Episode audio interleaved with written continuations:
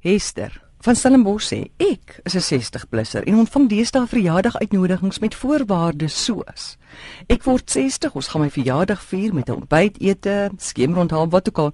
Jy hoef nie persent te bring nie, maar ek sal bly wees as jy vir ete kan betaal. En dan ek word 60, ek nooi jou na my verjaardagpartytjie in plaas van 'n verjaardaggeskenk, bring 'n donasie vir die weduwees en wese of die dierebeskermingsvereniging. Sy sien nou voel sy verleë om sonder 'n geskenk daaraan te kom Nou voel sy maar nou moet sy maar geskenk bring, heng en dan kos dit haar uiteindelik so baie.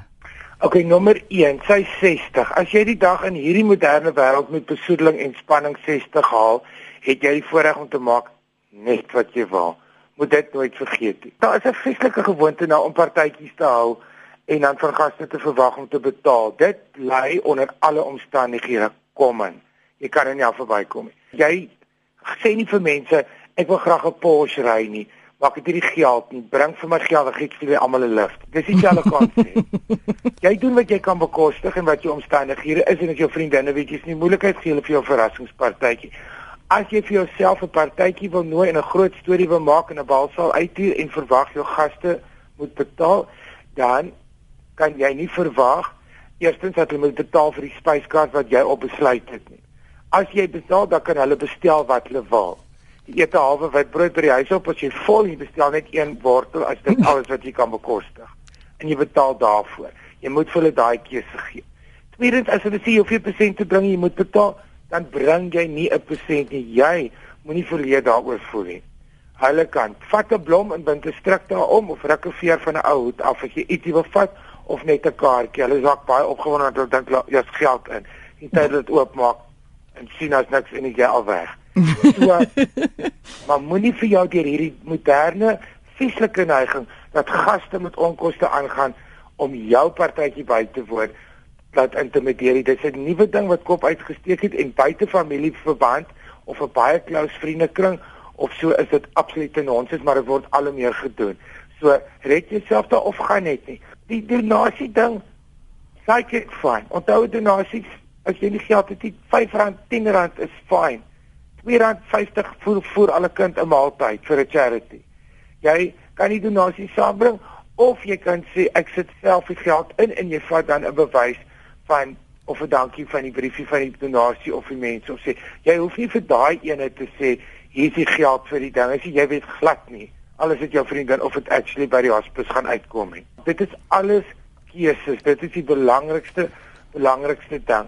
Ek stuur 'n persent in daaglat eers op. Ek is glad nie lus om persoonlik het ek nog nooit een van nie dat ek nie geld het of niks. Ek dink nie dit swak smaak.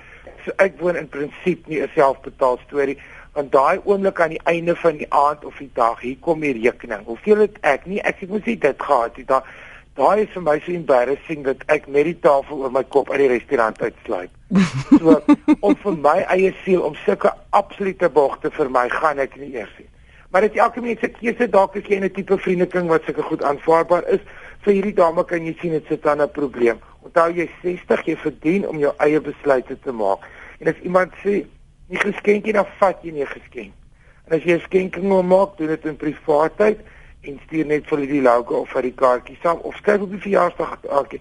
Baie dankie en dankie dat jy my die geleentheid gee om in die naam van jou verjaardag 'n kind te help. Doen dit. As jy aan tafel sit by mense en jy geniet die kos, mag mens aan tafel vra wat is in hierdie dis?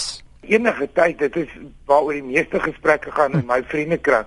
Nie, nie by 'n formele geleentheid nie. En dit sê jy nou 'n kelner of 'n of 'n chef poetjie ook nou nie by 'n uitgang hmm. nie, maar in 'n gewone situasie, ons sit en praat ure oor kos. En so, dis swak smaak om aan tafel te sit as iemand gereg vir jou te sit en dan los te trek want ek maak dit maar ek gooi mos dit by. Ah. Dis 'n uiters swak smaak want dit beledig die gasvra. Of sê dat jy 'n beter idee het maar jy gaan nou maar dit eet. Jy doen nie dit nie, maar jy's welkom om te vra wat is hier in en seker nou reg vir die eerste keer dit geproe of ek was by vriende en dan sit jy self dan lieg jy. Moenie ooit jou eie geregte kompeteer of iets met wat die gasvra op daai onder voorsit maar jy's baie welkom om, om oor die kos te gesels. Het jy ooit vir iemand 'n resep gegee en dan jy iets uitgelaat? Aspris. Ek doen dit altyd. Rarig. Ek net altyd sal jy nou my favourite kos. As jy my huis kom eet die Friday resep, haal ek eers een ingredient uit. Dis anders as ek 'n kookboek uitgee, dan sê dit wat ek jou vir treat en dis my famous ding. As geen manier op aarde wat ek dit vir jou gaan gee nie. Maar wil jy nie hier jou pel moet ook uh, sulke lekker kos maak nie? Dit is eintlik nie daai een geheime dingie. Daar was so tannie, tannie wat gee op um, ek dink 'n sporte wil toe gaan gewoon het en sy het 'n melkperd gemaak het en sy het vir almal die resep gegee wat gevra het en so en my ouma het gesê sy dink sy spog in daai melkperd. Want dit het net anders geproes enige ander mense melkperd. Al het jou na haar resep gebak hoe. Ek het altyd gedink ek was toe 9 jaar oud, goed so tannie spog hy ter. Want vir wat wil hulle jou goed weet?